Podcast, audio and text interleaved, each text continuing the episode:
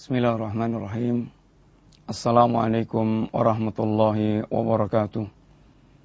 Innal hamdalillah wassalatu wassalamu ala Rasulillah wa ala alihi wa ashabihi wa mawalah. Wala haula wala quwata illa billah amma ba'd. Alhamdulillah para pemirsa yang rahmati Allah Subhanahu wa taala. Kembali kita berjumpa dalam kajian silsilah akidah, akidah Islam, akidah ahli sunnah wal jamaah, akidah yang nisbat kepada Rasulullah sallallahu alaihi wasallam dan para sahabatnya Nabi radhiyallahu alim jami'an. Kita sedang berbicara tentang nawaqibul Islam, tentang pembatal-pembatal Islam. Pembatal Islam yang sepuluh sebagaimana terangkan oleh sebagian para ulama al-sunnah wal jamaah dan sepuluh pembatal Islam ini dipilih oleh para ulama di antara yang terpenting dan banyak terjadi di tengah-tengah masyarakat kaum muslimin. Karena sungguhnya pembatal Islam sangat banyak, baik dalam bentuk ucapan, baik dalam bentuk perbuatan, baik dalam bentuk i'tiqad, keyakinan. Akan tapi di sini beliau pilihkan tentang 10 pembatal Islam. Telah kita bahas yang pertama asyirku fi ibadatillah, syirik dalam hal ibadah kepada Allah Subhanahu wa taala. Yang kedua tawasul, menjadikan perantara antara dia dengan Allah dalam ibadah. Yang ketiga, malam yukafiril musyrikin, orang tidak mengkafirkan orang musyrik yang jelas-jelas kafir atau ragu tentang kekafiran mereka atau membenarkan madhab mereka yang keempat, orang yang mereka berkeyakinan bahwa ada petunjuk dan ada hukum yang lebih baik dan lebih sempurna dibandingkan dengan hukum Rasulullah sallallahu alaihi wasallam. Yang kelima, orang yang mereka membenci man abghadha syai'an mimma ja'a ar-rasul, membenci ajaran yang dibawa Rasulullah sallallahu alaihi wasallam sekalipun dia mengamalkannya. Yang keenam, al-istihza, memperolok-olok agama ini.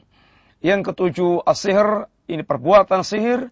Yang kedelapan, ini barang siapa yang mereka in mudhaharatul musyrikin memberikan pembelaan dan dukungan kepada orang-orang musyrik kafir dalam rangka untuk mengalahkan kaum muslimin. Kita insyaallah masuk pada an-naqib.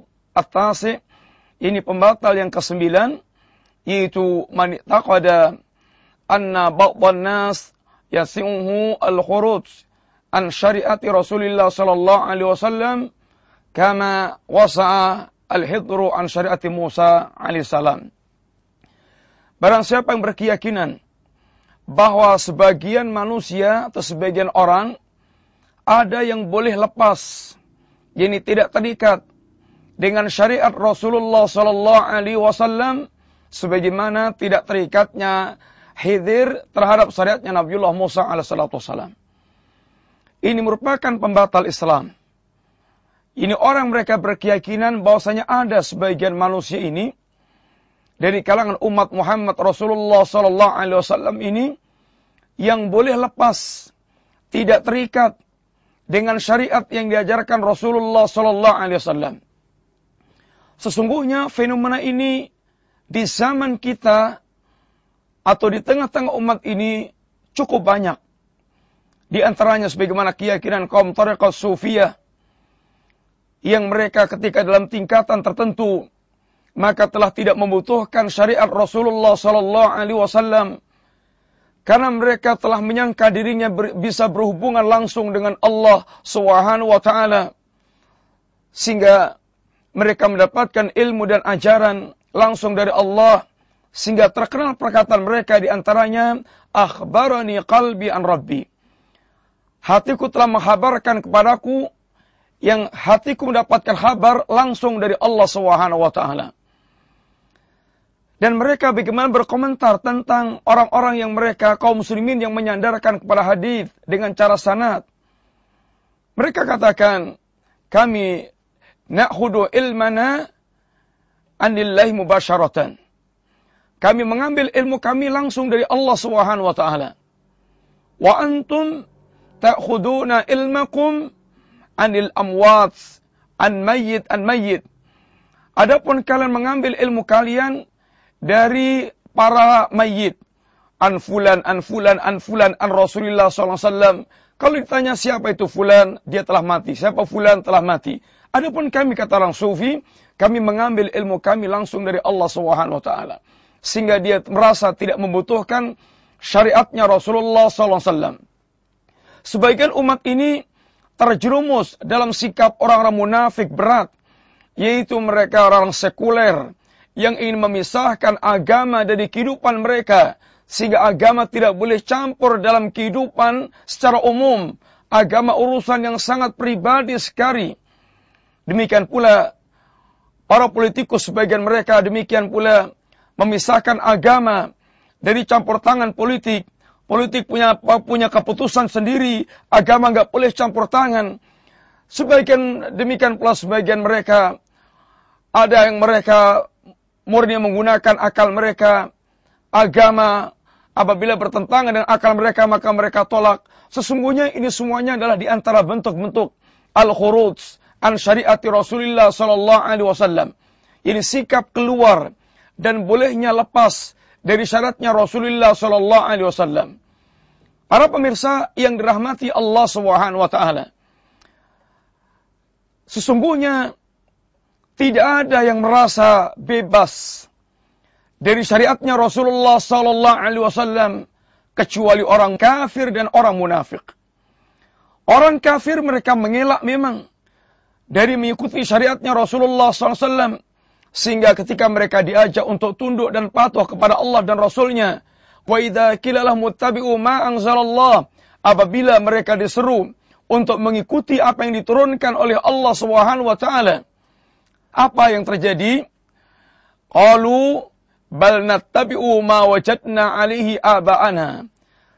Kami telah mengikuti kebiasaan, kami telah mengikuti apa yang kami dapatkan dari kakek moyang kami. Mereka menolak untuk mengikuti syariat yang diajarkan Allah melalui Rasulnya dengan segala macam alasan di antaranya alasan mengikuti kakek moyang mereka. Mereka ingin terlepas dan tidak terikat dengan syariatnya Rasulullah SAW. Ini orang kafir memang. Orang munafik pula. Wa idza qila lahum muttabi'u ma. Kalau mereka disuruh untuk mengikuti apa yang Allah turunkan, maka kata Allah, ra'aital munafiqina yasudduna anka sududa. Anda akan lihat orang-orang munafik, mereka akan menghalangi dengan sekuat tenaga mereka agar manusia tidak mengikuti syariat yang diajarkan oleh Allah Subhanahu wa taala. Sehingga tidaklah menolak untuk mengikuti syarat ini kecuali orang kafir dan orang munafik, dua-duanya ahlun nar, dua-duanya ashabun nar. Adapun muslimin adalah orang yang seharusnya terikat dengan syariat Rasulullah SAW. Dan Allah Subhanahu wa taala telah menegaskan bahwa kehadiran Rasulullah sebagai rasul yang terakhir adalah penutup semua para nabiullah alaihi salatu wassalam kehadiran beliau adalah utusan Allah untuk seluruh manusia tanpa kecuali. Allah katakan, "Wa ma arsalnaka illa rahmatan lil alamin." Dan tidaklah kami utus engkau ya Rasulullah kecuali sebagai rahmat untuk seluruh alam. Demikian pula bagaimana Allah katakan agar Rasulullah mengatakan, "Ya ayuhan nas, inni Rasulullah ilaikum jami'an." Wahai manusia adalah utusan Allah untuk kalian semuanya. Untuk semua manusia. Sehingga keberadaan Rasulullah kafatan linnas. Untuk seluruh manusia. Tanpa kecuali. Sehingga Rasulullah SAW pula katakan. Demi Allah kata beliau. La yasma'u bi ahadun min hadhil ummah. Yahudiyun atau Nasraniyun thumma yamutu wa lam yu'min billadhi ursiltu bih illa kana min ashabin nar. Tidaklah mendengar seorang pun di kalangan umat ini baik dia Yahudi atau Nasrani kemudian sampai matinya dia tidak beriman dengan risalah yang aku bawa illa kana min ashabin nar kecuali dia pasti termasuk di antara penghuni neraka. Ini tidak boleh ada seorang pun yang mereka lepas dari syariatnya Rasulullah sallallahu alaihi wasallam. Bahkan Allah Subhanahu wa taala telah membuat perjanjian dengan semua para nabiullah yang Allah utus. Apabila datang Rasulullah sallallahu alaihi wasallam, maka mereka semuanya harus mengimani Rasulullah dan membela Rasulullah sallallahu alaihi wasallam. Allah tegaskan dalam sebuah ayat, "Wa id akhadallahu an-nabiyyina lamma ataitukum min kitabin wa hikmatin" ثم جاءكم رسول مصدق لما لما معكم لا لتؤمننه به ولا تنصرونه قال أقررتم وأخذتم على ذلكم إسري قالوا أقررنا Dan ingatlah ketika Allah Subhanahu wa taala telah mengambil perjanjian dari seluruh para nabiullah alaihi salatu apa perjanjian Allah? Ini ketika Allah telah memberikan kitab dan hikmah kepada para nabi, lalu datang Rasul yang membenarkan semua yang kalian bawa. Kalian harus benar-benar beriman. Dan kalian harus benar-benar memberikan pembelaan kepada nabi yang datang tersebut. Apakah kalian menyetujui tentang perkara ini? Mereka mengatakan akrarna kami setuju ya Rob. Sehingga seluruh para Nabi Allah wassalam telah diambil perjanjiannya oleh Allah Subhanahu wa taala untuk mengikuti Rasulullah sallallahu alaihi wasallam seandainya telah datang Nabiullah Muhammad sallallahu alaihi wasallam. Sehingga Rasulullah SAW ketika datang Umar bin Khattab radhiyallahu anhu dengan membawa lembaran-lembaran Taurat, Nabi menunjukkan nada marah dan wajah marah tidak ridha. Dan Nabi katakan, "Amutahawwikuna ya Ibn al-Khattab?" Apakah Anda masih ragu ya Ibn al-Khattab? Lalu Nabi katakan di antaranya, "Wallahi law kana Musa hayyan ma illa tibai. Seandainya Musa hidup, sungguh tidak ada keluasan baginya kecuali mengikutiku. Demikian pula hadirnya Nabiullah Isa alaihissalatu wassalam di akhir zaman. Yang akan turun di akhir zaman. Maka Nabiullah Isa bersyariatkan dengan syariatnya Rasulullah sallallahu alaihi wasallam. Bahkan para jin mereka pula ini menginduk mengikuti syariatnya Rasulullah SAW. Sebagaimana Allah katakan, Wa id sarafna ilaika nafaran minal jinni. Dan ingatlah ketika kami hadapkan sekelompok jin yastami'un al-Quran yang jin ini kemudian mendengarkan bacaan Al-Quran yang dibaca Rasulullah sallallahu alaihi wasallam falamma hadaruhu qalu ansitu ketika para jin telah sampai di tempat mereka mendengarkan Al-Quran, maka mereka katakan, perhatikanlah semuanya. Perhatikanlah oleh kalian semuanya. Walamma qudiya wallau ila qaumihim mungdirin. Dan ketika jin telah pulang kepada kaumnya, maka mereka pun menjadi juru peringat. Menyampaikan pada kaumnya, kepada bangsa jin. Qalu Ya qaumana inna sami'na kitaban unsila min ba'di Musa musaddiqan lima musaddiqan lima baina yadayhi. Wahai kaum, aku mendengar kitab yang diturunkan setelah Musa yang membenarkan tentang apa yang diajarkan Nabiullah Musa alaihissalatu wassalam. Yahdi ilal haqqi wa ila surati mustaqim. Yang kitab ini memberi menunjukkan kepada kebenaran dan menunjukkan kepada jalan yang lurus. Qalu ya qaumana ajibu da'i Allah wa aminu bih. Wahai kaumku, sambutlah seruan utusan Allah. Sambutlah seruan penyuruh yang mengajak kepada Allah. Dan berimanlah dengan apa yang dibawa. Jin mengimani syariat Rasulullah Sallallahu Alaihi Wasallam. Maka tidak seorang pun yang boleh keluar dari syariatnya Rasulullah SAW. Adapun alasan mereka bahwasanya Khidir tidak terikat dengan syaratnya Nabiullah Musa alaihissalatu wassalam. Keluar dari saatnya Nabiullah Musa alaihissalam, maka ini sebuah kesalahpahaman. Ini sebuah kesalahpahaman. Yang pertama harus kita ketahui bahwa perbedaan Rasulullah dengan syariatnya Nabiullah Musa, adapun syariatnya Rasulullah mengikat kepada seluruh manusia tanpa kecuali.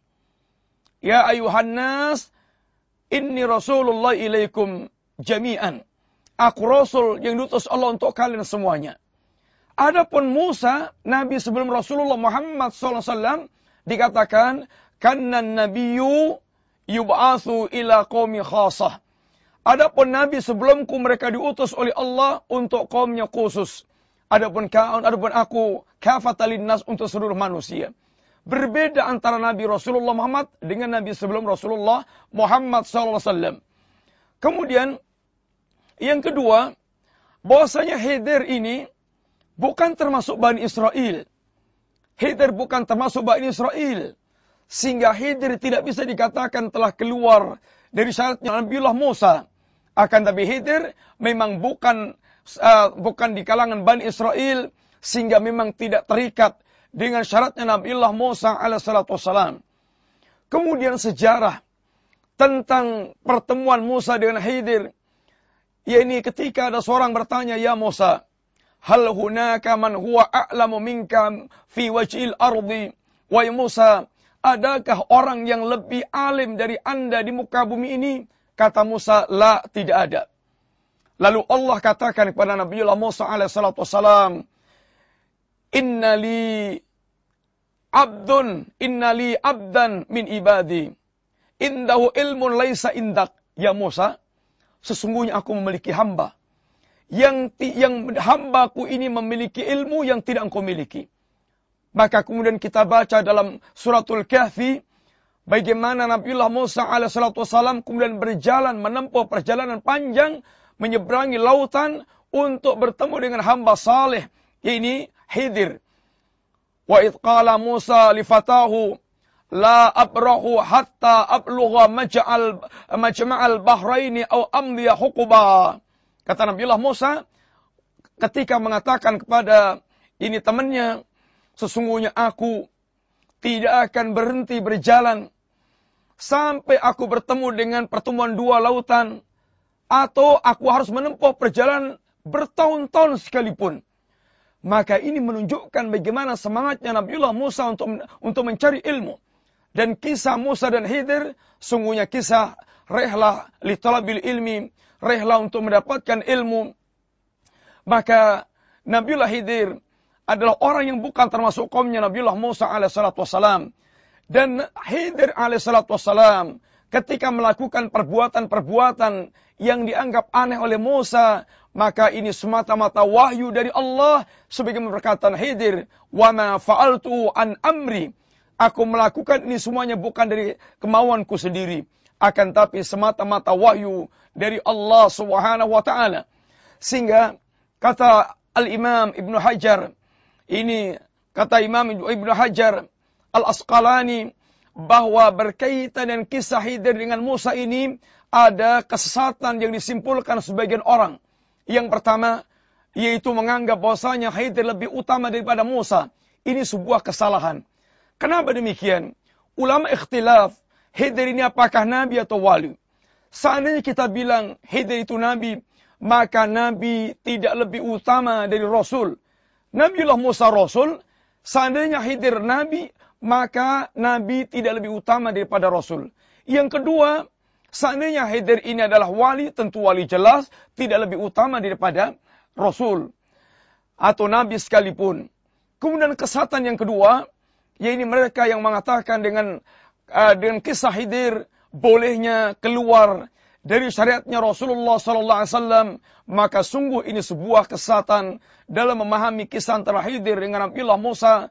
Mudah-mudahan Allah Subhanahu wa taala melindungi kita dari keyakinan dan pemikiran yang sesat dan kita diberikan istiqamah kelurusan dalam beragama karena sungguh di zaman-zaman fitnah yang demikian tidak ada nikmat yang lebih besar dibandingkan dengan seorang dia berada di atas jalan Islam dan sunnah selamat dari berbagai macam penyimpangan. Demikian mudah bermanfaat. Wa sallallahu ala nabiyyina Muhammadin wa ala alihi wa sahbihi wasallam. Assalamualaikum warahmatullahi wabarakatuh.